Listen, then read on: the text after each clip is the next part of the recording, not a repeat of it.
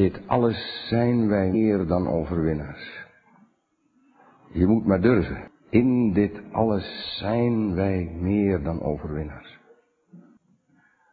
Niet eens op den duur zal het toch wel blijken dat we overwinnaars zijn. Nee. Dat zou al heel wat zijn. Maar dat staat er niet. Nee, we zijn overwinnaars. U al. Het is een ervaring, zou je kunnen zeggen. Nou ja, ervaring. Ervaring. Laten we liever zeggen geloofstop. Top in het geloof. Tegen de ervaring in eigenlijk. Hoogtepunt in ieder geval van Paulus' zegenlied. En gemeente, dat, dat lied van Paulus, dat is echt gelooftaal hoor. Hoef ik u nauwelijks uit te Dat is veel meer geloofstaal dan ervaringstaal. Ik bedoel,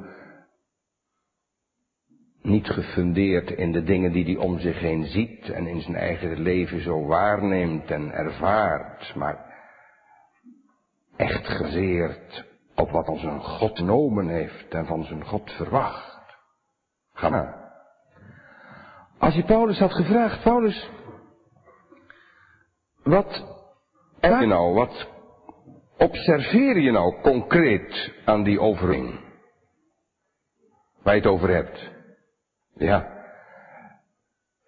Hij zei, wat ik ervaar dat ziet er een beetje anders uit. Dat lijkt eigenlijk helemaal niet op victorie. Dat lijkt veel meer op verlies. En dan geeft hij eigenlijk een antwoord dat in compleet contrast staat met overwinning en triomf. Want hoe ziet, hoe ziet dan de voorhanden werkelijkheid eruit? Nou, echt meer om te huilen dan om te juichen. Tranen schieten in je ogen. Wat een ervaringen. En Paulus die weet dat niet beter te typeren dan met een regel op Psalm 44. Eigenlijk een regel uit die psalm die een dieptepunt is. Ik had het over een hoogtepunt, maar dat zin uit Psalm 44 is wel het absolute dieptepunt van dat lied dat als een zeelied begint. Want om uwentwil worden wij de ganse dag gedood. Niet alleen bedreigd, gedood. En we zijn geacht en we worden ook gehandeld als schapen voor de slag. Gelijk geschreven is. Zo typeert Paulus' situatie waarin hij leeft. Gelijk geschreven is, wij worden de ganse dag gedood. Um, kende u die Psalm 44 al een beetje? Ik zou u willen aanbevelen om hem vanavond nog eens te lezen. Langzaam. Met aandacht. Nou, dat is echt geen triomflied, hè. Is een klacht. In de nacht van verlies. En dan, tegen de achtergrond van Gods roemrijke daden in het We hebben het gehoord. Daar begint die psalm mee. Vroeger, ja. Toen schonk Israëls koning ons overwinning op overwinning. Zo begint die psalm. Maar halverwege is het net alsof die psalm een octaaf zakt. In plaats van overwinning, nederlaag op nederlaag. Verbijstering. Ontreddering. Maar nu, zegt de dichter, hij kermt het uit. Israëls legers verslagen, het volk te schande gemaakt, een aanfluiting voor de vijand. En Israël wordt geknecht en gehoond, uitgestoten, beschaamd. En dan komt dat verschrikkelijke woord eruit. Nou ja, verschrikkelijk. Op eerste gezicht toch wel. We worden om uwentwil, o God, gedood. En behandeld als schadeslacht. Om uwentwil, betekent dat. Omdat we bij u horen. Dus niet ondanks u. Nee, om uwent. Goed.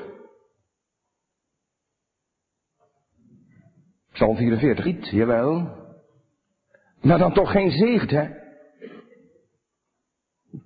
Compleet een klaagzang. Zo aan het slot weet u wel die waarom-vraag. Die je vaker tegenkomt in de psalmen. Waarom verbergt ge uw aangezicht? Waarom vergeet u onze ellende? Dat waarom voelt het het een beetje aan. Daar zit iets in van, Heere God, zo bent u toch niet? U bent toch niet vergeetachtig? U hebt toch zelf gezegd, ik zal u niet begeven en ik zal u niet verlaten en ik zal u nooit vergeten. Waarom verbergt u aangezicht? U bent toch een God die zich openbaart? Wanneer zou dit klaaglied zijn gezongen? Door Israël? Ik, ik weet het niet. Komt er niet precies achter. Je kunt er echt alleen maar naar gissen. En ik denk dat dat niet toevallig is. Ik zal u dan ook niet vermoeien met de vermoedens hierover. Ik denk juist dat het niet toevallig is dat we het niet kunnen weten. Wat gaat in deze gemeente om een, een werkelijkheid die altijd, een, een, een aangrijpende werkelijkheid die alle tijden door de lijdensweg van Israël is voorgekomen. Die psalmelied dat gezongen is, gezucht is en uitgekermd is onder al de ontluistering en de ontrechting en de willekeur die het godsvolk van de Joden opkwam in de loop der eeuwen. Dat is met geen pen te beschrijven, dat weet u wel. Al heeft het wel hele pennen in beweging gebracht. Onlangs nog de Geert Mak. In die magistrale studie over Europa in de 20ste eeuw. Ik heb het in de vakantie gezien. Ah, ik ben niet echt vrolijk maar ik denk wel dat de mens er iets wijzer van wordt. Ik zou u aanraden om het allemaal te lezen. Dan moet u lezen. Je houdt niet voor mogelijk wat mensen en volkeren in Europa, dat verlichte Europa, elk hebben aangedaan. Maar daar gaat het me nu op dit moment niet om, om alle leed en alle geweld in het algemeen, maar het gaat me om dit moment vooral om die demonie van de jodenhaat. Eeuwenlang is die haat op laffe en brute manier botgevierd, tot ze dan in die moderne 20ste eeuw een kookpunt bereikte in de Endlösung der Jodenfrage. Dat afschuwelijke plan dat aan het duivelse brein van Hitler en Himmler is ontsproot en zijn trawanten. De endleuzing, de eind, de definitieve oplossing van het Joodse vraagstuk. Een gruwel. Schapen voor de slacht. Wij zijn de ganse dag gedood. Voedsel voor de vernietigingsovens. Nogmaals, gemeente, ja, bijna niet voor mogelijk. Maar het is gebeurd. Maar, wat zongen de godsgetrouwen onder dit gemartelde bondsvolk? Te midden van al de terreur en de vertwijfeling klonk die psalm, ik denk vaak kreunend. Om uwentwil worden wij de ganse dag gedood. Dat was natuurlijk een koele constatering. Maar het was een schreeuw uit de diepte naar omhoog. Om uwentwil. Dat was uiteindelijk het antwoord, als u het een antwoord wilt noemen, op de verlammende vraag naar het waarom. Om uwentwil. Dat doet natuurlijk niets af aan de verantwoordelijkheid van de mensen die dit op hun geweten hebben. Maar dwars door dat alles heen, door al het menselijke en al het duivelse, door heel die demonie heen, er dwars doorheen, om uwentwil, om Gods wil, vanwege de band aan de Heer, die God aan Israël bond en Israël God. Gemeente antisemitisme. Dat is niet zomaar een vorm van rashaat. Maar het is weerstand en opstand tegen de God van de Joden.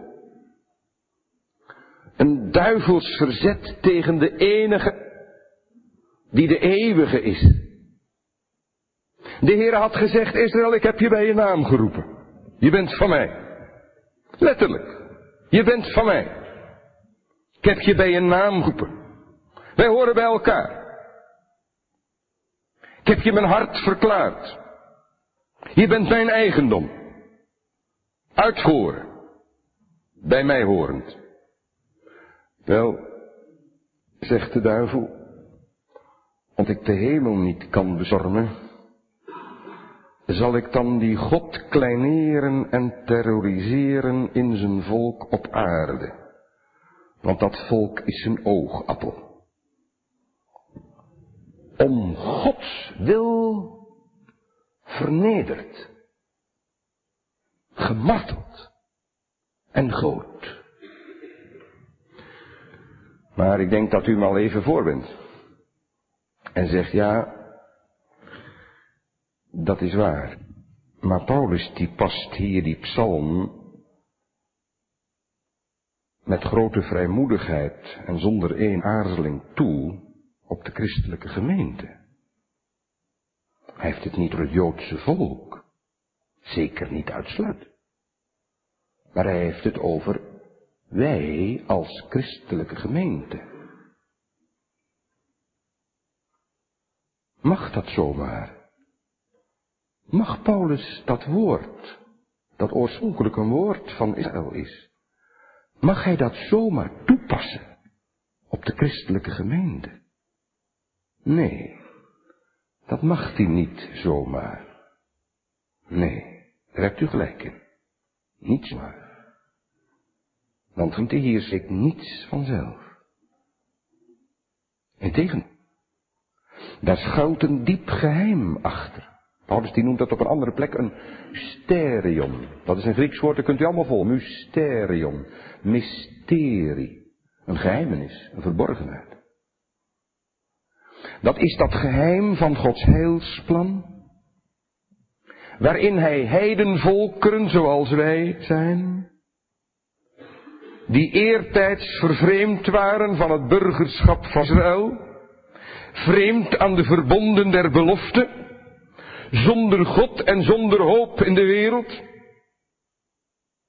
Het is dat heilsplan waarin hij zulke heidenvolkeren door het van Christus samen met Israël tot één volk en één lichaam heeft samengesmeed. De muur is gevat. De muur. De tussenmuur die scheiding maakte tussen Jood en Heide. Weggebroken. In Christus. En de vrede is getekend op grond van zijn vergoten bloed. En die vrede is niet alleen getekend, maar die vrede wordt ook verkondigd. Aan ons die eertijds verre waren. En aan hen die vanouds nabij waren. Want door hem, zo luidt het dan in de Efeziërsbrief, door hem, onze Heer Jezus Christus, hebben wij beiden, Jood en Heiden, de toegang tot de Vader door één geest. Hoort u? Een prachtige trinitarische uh, formulering. Door hem, door Christus, hebben wij samen, Jood en Heide, de toegang tot de Vader door de Heilige Geest. De drie-enige God staat er helemaal achter. Hij staat er niet alleen achter, maar hij is ook de auteur ervan. Hij heeft het gedaan. Komt van hem. Ja, gemeente, dat is uiteraard geen reden voor ons, mensen uit de heidenen, om ons te verheffen boven Israël. Hoe zouden we? Het tegendeel is waar. Er is alleen maar reden om Gods grenzeloze genade in Christus te aanbidden en te bewonderen. Samen met Israël als onze oudste broeder. Wat een voorrecht, hè? Wat zijn we bevoorrecht? Jawel. Geen woord eraf, maar er moet wel een woordje bij. Wij delen niet alleen in het voorrecht van Israël. maar ook in het lijden dat het verbondsvolk overkwam en overkomt. Ook daarin. Paulus laat het zien. Ook wij, als Christ geloof uit de heidenen. Wij delen in de pijn en in de smaad en in de tranen van Israëls psalmisten en profeten en een volk. Ons overkomt hetzelfde. En dan kijkt hij om zich heen. Naar zijn broeders en zijn zusters in Korinthe, in de Kosse, en in Efeze, in Filippi, Rome. Terwijl hij kijkt ook naar zijn eigen apostolische loopbaan. En dan kan hij maar twee dingen doen. Zuchten en zingen. Zuchten. Onder al het leed van verdrukking, ziet hij om zich heen, benauwdheid, vervolging, honger, zaard. Hij somt het zo op. En hij zucht. Zoals de hele schepping zucht. Ook wij zelf, die de eerstelingen van de geest hebben ontvangen, wij zuchten in onszelf. En er is zingen.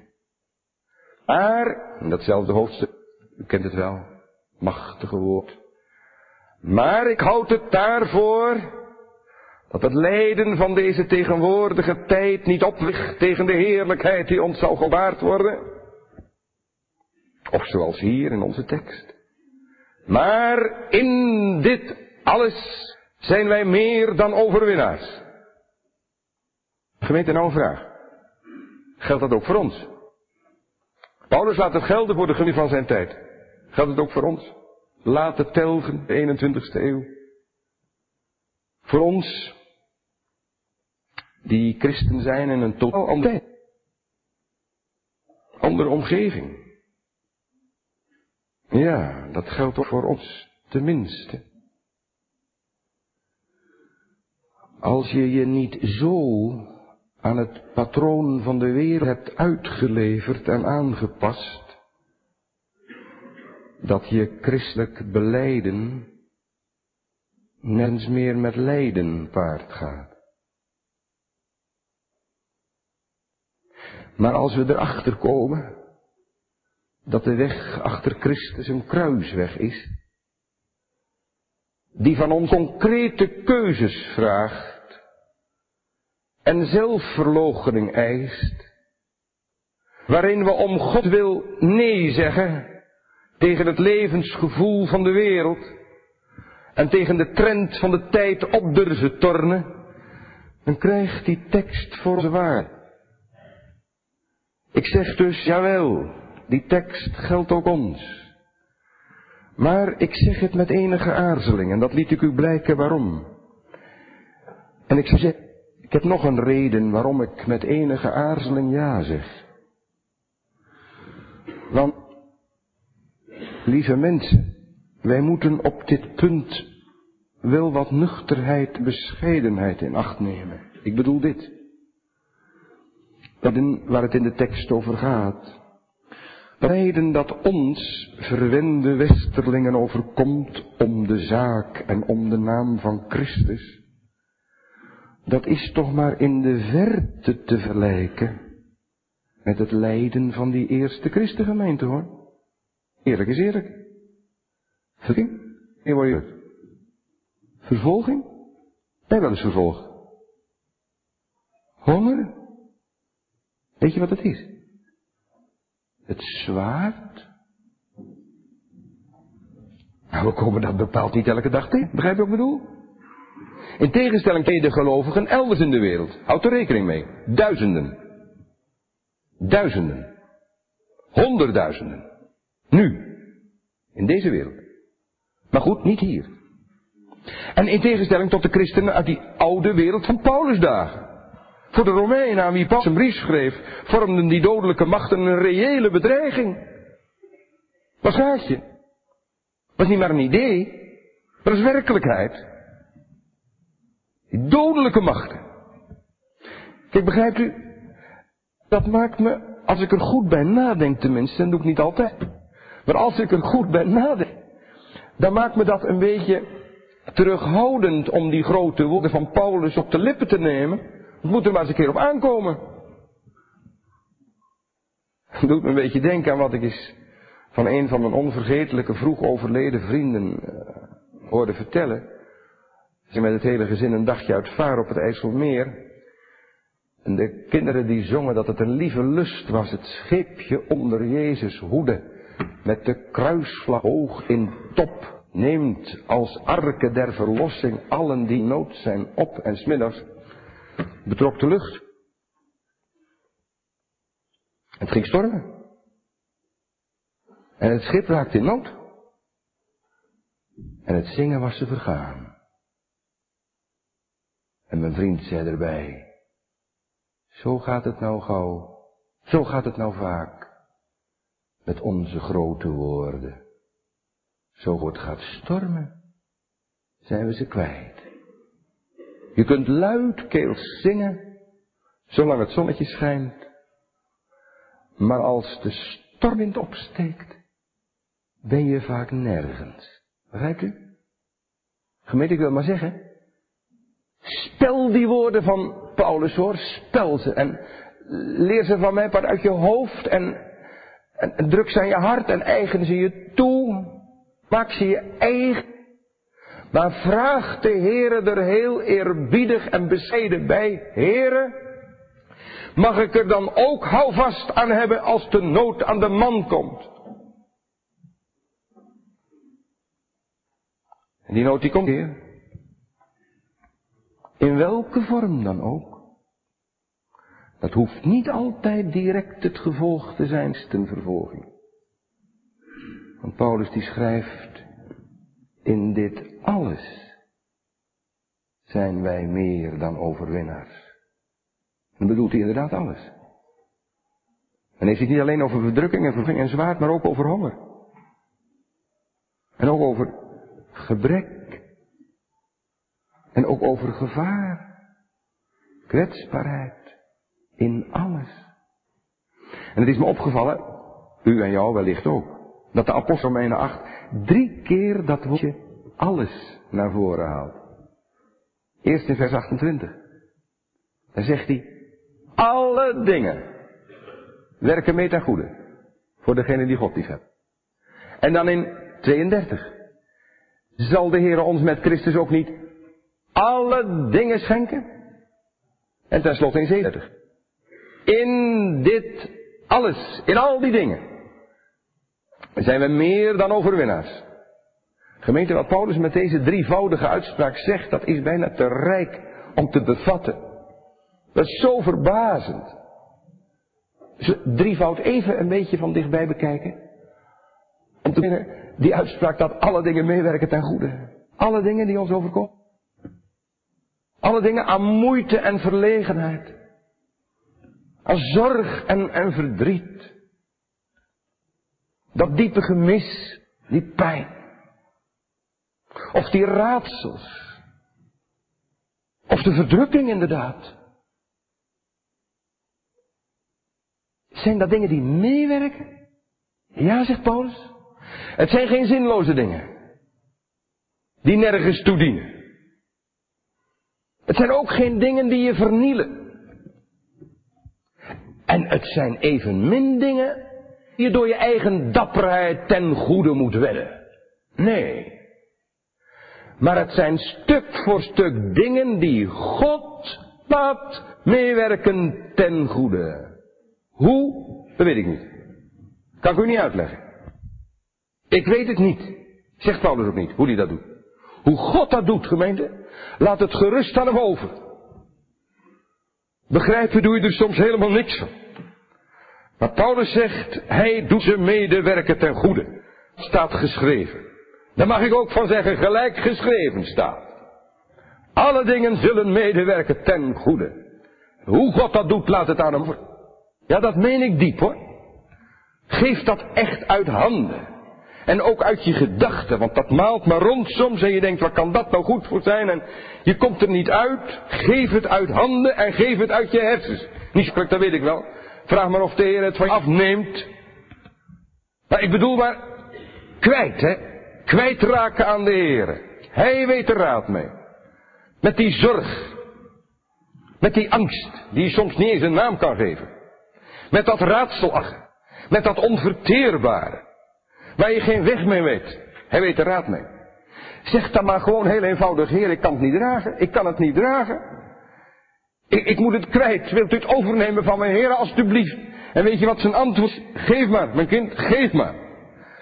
Het komt nog goed ook. Het werkt mee ten goede. Zou ik je met, en nou komt dat tweede, alle dingen. Zou ik je met mijn lieve zoon die ik voor je over had. Als ik nog mijn alles voor je gegeven heb. Als ik zo ver ben gegaan dat ik mijn één geboren zoon, ik had er maar één. Dat ik mijn één geboren zoon voor je heb overgegeven tot in de dood van het kruis. Zou ik je dan niet alle dingen met hem schenken? Met hem, hè? Niet los van hem, maar met hem. Ja, want hij is de erfnaam van alles, moet je rekenen. Jezus is de erfgenaam. Maar als je nou zijne bent, dan ben je een mede-erfgenaam. Een mede-erfgenaam van Christus. En een mede-erfgenaam van de Vader. Wat heb je dan net? Ja, alles wat God heeft. De hemel en de aarde. Al is het uwe. En gij van Christus. En Christus is God. Zou hij ons dan met hem ook niet alle goed schenken? Geliefden in de Jezus Christus, wat leven we toch vaak onder de. Dan zitten we maar te klagen en te kermen. En dat mag op zijn tijd. Maar doe het dan niet tegen elkaar, maar geef het over aan de Heer. En laat die klachten maar net als in de psalmen bij de Heer in zijn school gelegd zijn. En dan ziende op wat hij gereed gelegd heeft dan heerlijkheid. In de Heer Jezus Christus zouden we dan niet zingen. Zou hij ons dan met hem ook niet dingen schenken? Dan zijn we hem toch de koning te rijk. Alle goeds te beginnen de onbedrieglijke belofte van zijn liefde en bescherming. Je bent van mij. Ik sta voor je in. Ik ben met je. Alle dagen van je leven. Alle dagen. Ook als je door de diepte gaat. En als je het water in moet, je hoeft niet alleen, ik ga niet mee tot de rand, maar ik ga helemaal mee. Al door het water heen moet, ik zal bij je zijn. En het vuur dan, Heer, als het vuur komt, de vlam zal je niet aansteken. Ik zal bij je zijn. En wat geeft de Heer nog meer? Alle goed, de vergeving van al je kwaad werk. Ook die ellendige dingen uit je jeugd. Of die ellendige dingen die je misschien van de week nog uitgehaald hebt. Alle dingen. Ik vergeef je alle kwaad. Ik kom er niet op terug. Ik vergeef en ik vergeet. Want ik werp het in een zee vergetelheid. En dan de bewaring in alle gevaren van het leven, in al je zorgen. En de genezing van al je kwaad. Hoe dan ook, hè. Maar hij zal al onze kwalen genezen. Hoe dan ook. En wanneer dan ook. Maar het komt een keer. Eenmaal zal een kind van God daar zijn waar niemand zal zeggen ik ben ziek. Omdat het volk dat daar woont vergeving van ongerechtigheid heeft. Alle dingen. Ja maar heren zegt u. Ik zie geen vooruitgang. Ik zie geen uitkomst. U belooft het wel, maar ik zie het niet. In plaats van herstel zie ik alleen maar achteruit. O God, mijn leven is zo getekend door scheuren en door scherven. Jawel, mijn kind, zegt de Heer, ik weet ervan. Christus schenk ik je alle dingen. Niet alleen de dingen die je voorspoed en uitkomst werken. Nee. Maar ook de dingen die je leed en pijn berokkenen. Je denkt dat dat in ieder geval niet tot een geschenk behoort. Maar dat is een vergif. Ook en juist het kruis dat op je leven drukt. Dat is mijn geschenk. Zou ik je met Christus niet alle dingen schenken. Ook dit. Het kruis dat ons, dat ons kort bij de Heer houdt. En de Heer vraagt die even kerft. Is getekend zoals je net niet blijken. En dan zegt de Heer, dat klopt. Getekend. Met het tekend kruis. Zo gaat dat. En zo hoort dat. En niet anders. Zo bereid ik je voor op de heerlijke. En zo ent ik je in in de gemeenschap van mijn zoon. En zo leer ik je bij al je zin thans te zingen. Nee, niet goedkoop te zingen. Maar nogthans te zingen. In dit alles. Wat het ook is, dat is dat derde alles. Hè. In dit alles, hoe zwaar soms ook valt, zijn wij meer dan overwinnaars. Paul, zou je niet liever zeggen, na dit alles, dat lijkt me veel. En reden. Na dit alles zullen wij nog dan overwinnaars zijn. Nu nog niet, maar... Nee, dat doe ik niet. Ik vergis me niet vloeit me niet per ongeluk even uit de pen in dit alles. Nee, nee, heel bewust. In dit alles. Midden in de strijd. Te midden van de verlies. Jawel. Dat is de paradox van het geloof. Zijn we meer dan, hoe kan het dan? In Christus. Door hem die ons heeft liefgehad. Paulus die zegt, en ondanks dit alles zijn we toch overwinnaars. Nee, dat zegt hij zelfs niet. Dat zou toch helemaal, dat zou toch heel goed begrijpelijk zijn als hij zegt, ondanks, maar dat zegt hij niet. Nee, hij zegt heel bewust, in dit alles, midden in die verdrukking, midden in die strijd, zijn meer dan overwinnaars. O geliefden, als de Heer je dat doet. Dat moet hij je telkens weer leren hoor. Het is niet zo dat de mens dat nou een keer leert, op een goede datum, en dat hij het vanaf dat moment dan ook weet. En dat hij het in zijn zak kan steken en dat hij dat als het zo eens uitkomt, tevoorschijn gaan halen. Zo werkt dat niet. De Heer moet het je telkens weer opnieuw leren. Als de Heer je dat nou leert, dan stijgt de lofzang naar de top. Hè. Dan wordt het een toplied, inderdaad, ja. In de vaste overtuiging dat het toppunt en het einddoel van de zaligheid ons is weggelegd in Christus. Maar u zegt, ja, dat is nog weer een andere top. Hoe zal ik die bereiken? Die top van de heerlijkheid straks. Gemeente, die top die is niet te bereiken dan langs het steile pad van de aanvechting. Dat is maar één weg hoor, echt waar. Dat is het kruispad. Smal. Bochtig. Kronkelig. Kom je wel eens in de berg? Hij wel eens een top bestegen? Gaat zo. Gaat altijd zigzag. Smalle paadjes. Zo kom je boven. Of, zoals ik pas las. Vergelijk het met een smalle torentrap. Een tocht omhoog gaat niet per lift. Kijk, als je hier in Rotterdam de Euromast bestijgt, dan Ach ja, wat is stijgen? Je stijgt wel, maar bestijgen is er eigenlijk niet eens bij, hè? Je drukt op een knopje en zoef. Een paar tellen later ben je boven. Maar heb je de toren van de Nieuwe Kerk in Delft beklommen? Dat gaat heel anders. Geen lift. Smalle trap. 365 treden. 365. Een hele klim. En vaak nog donker ook, dat u wel. Hier en daar een klein venstertje, waardoor een vluchtje licht naar binnen valt. En dan soms word je moe. Je raakt een beetje duizelig, want je draait maar en draait maar. En dan grijp je naar het touw dat als leuning dienst doet. Mooi. Het touw. Het hangt van boven naar beneden. Touw. En zo gaan we naar boven. Langs het touw van Gods beloften. 365 treden. Elke dag één. Langs het touw van Gods beloften omhoog. En dat touw van Gods trouw, mag je wel zeggen, dat zijn beloften, hangt als een onverbrekelijk koord uit Gods handen naar beneden. Het zal niet breken. Het breekt niet. Echt niet. Verluid maar op. Zolang we onderweg zijn, zeggen we om uwentwil, lieve heren, dat smalle pad. Om uwentwil, heren, overkomt ons het leed en het lijden. En om uwentwil, omdat ik bij u hoor, omdat ik uw eigendom mag zijn, draag ik het kruis.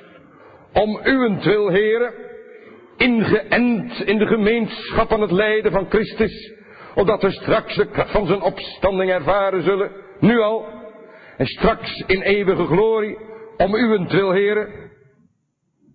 Gemeente, zou dit wellicht, zou dit wellicht het laatste een diepste antwoord zijn op al die waarom-vragen van ons?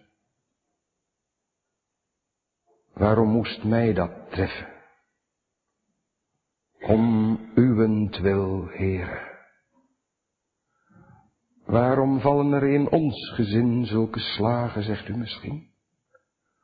Om uwentwil. Waarom toch al die kwellingen in het leven? Om uwentwil. Ja, om Gods wil onder het kruis. Maar, dan ook om Gods wil straks naar huis. Heb er moeite mee thuis te komen? Is de topje te hoog? Is de wenteltrapje te steil? U zegt haalt het niet. Ik haal het niet. Haal het niet? Voel dan nog eens even aan de touw. Voel nog eens aan dat touw. Of ik bedoel, ja, voelen aan dat touw. Nee, grijp het vast. Geloof het woord van Gods belofte koord. Het zal niet breken, zei ik al. God is zo trouw als sterk, hè? Nou, dat touw is even sterk. God is trouw als sterk. En dat touw is even sterk. Echt waar. Sterk voor wie? Voor zwakkelingen natuurlijk. Voor mensen die makkelijker kunnen vallen dan dat ze kunnen klimmen. Voel je aangesproken? Ik val makkelijker dan dat ik klim. En toch, ga door. Omhoog. Al ga je voor je gevoel omlaag. Doet er niet toe. Langs treden die uitgesleten zijn. Natuurlijk zijn ze uitgesleten. Omdat er tallozen op zijn voorgaan. En ze hebben het gehaald. Meer dan overwinnaars. Meer, ja meer. Dat is vertaald. Meer dan overwinnaars. Waarom dan gewoon overwinnaars? Nou ja, die doorsnee overwinnaarsgemeenten, die danken de overwinning aan eigen training en spankracht en zo. Maar nee, gewoon verliezers in onszelf. Losers. En dan toch overwinnaar? Nee, meer dan dat. Er staat in het Grieks namelijk hyperoverwinnaars. Superoverwinnaars. Wat is dan het verschil? Wat is dan het verschil met de gewone overwinnaars, zal ik u zeggen? Staat gewoon in de tekst. Door hem die ons heeft liefgehad. Geen overwinnaar omdat wij zo dapper waren. Omdat wij zo ons best hebben gedaan. Omdat wij zo hebben volgehouden. Omdat wij zo hoog bekeerd geweest zijn. Houd toch op. Door hem die ons heeft liefgehad. Ook niet omdat wij hem zo hebben liefgehad. We hebben hem wel lief hoor. Met heel ons hart. Met al wat in ons is. Maar alleen omdat hij ons eerst heeft liefgehad. Kijk, dus wij halen het niet, maar het doet er niet. Jezus heeft het gehaald en hij had ons erdoor op zijn erewoord. En dat erewoord, geliefden, dat ligt zo vast. Zo vast als een huis, zeggen wij, maar dat hoeven we niet te zeggen hier. Want een huis is ook niet zo vast. Maar het ligt zo vast als de eeuwige God zelf. Hij haalt ons erdoor. Dat ligt zo vast dat we mogen zingen. Wij zijn meer dan overwinnaars. En niet alleen maar we zullen het zijn. We zijn het in en door Hem die ons heeft liefgehad. Daar is alles mee gezegd. Liefgehad. En hoe? Tot het einde. Tot de dood van het kruis. Ja, we hadden het er net even over dat kruis van ons, hè. Maar dat haalt het niet bij einde op. Nee, over kruis gesproken. Als je wilt weten wat een kruis is, zie dan op het kruis van ons eiland. Hij zegt, voor u heb ik het gedragen. Voor u droeg het kruis mij. Voor u stierf ik eraan. Voor u gaf ik mijn lichaam en mijn bloed, mijn alles. Voor u doe ik mijn voorbeden, onafgebroken. Waarom, heren? Omdat ik je heb lief gehad. En dan niet met een opwelling van liefde, maar heb lief gehad met een eeuwige liefde, dus er komt geen eind aan. En dat betekent dat ik je nu ook lief. Ik heb je nog net zo als toen ik aan het kruis hing. Met een eeuwige liefde. Een liefde die nooit vermindert. Laat staan teloor gaat. Liefde. Voor u. En daarop kan ik alleen maar zeggen, Heer, waar is, lieve Heer, als u dat voor mij deed en voor mij bent, dan kan ik alleen maar zingen, door u, door u alleen. Amen.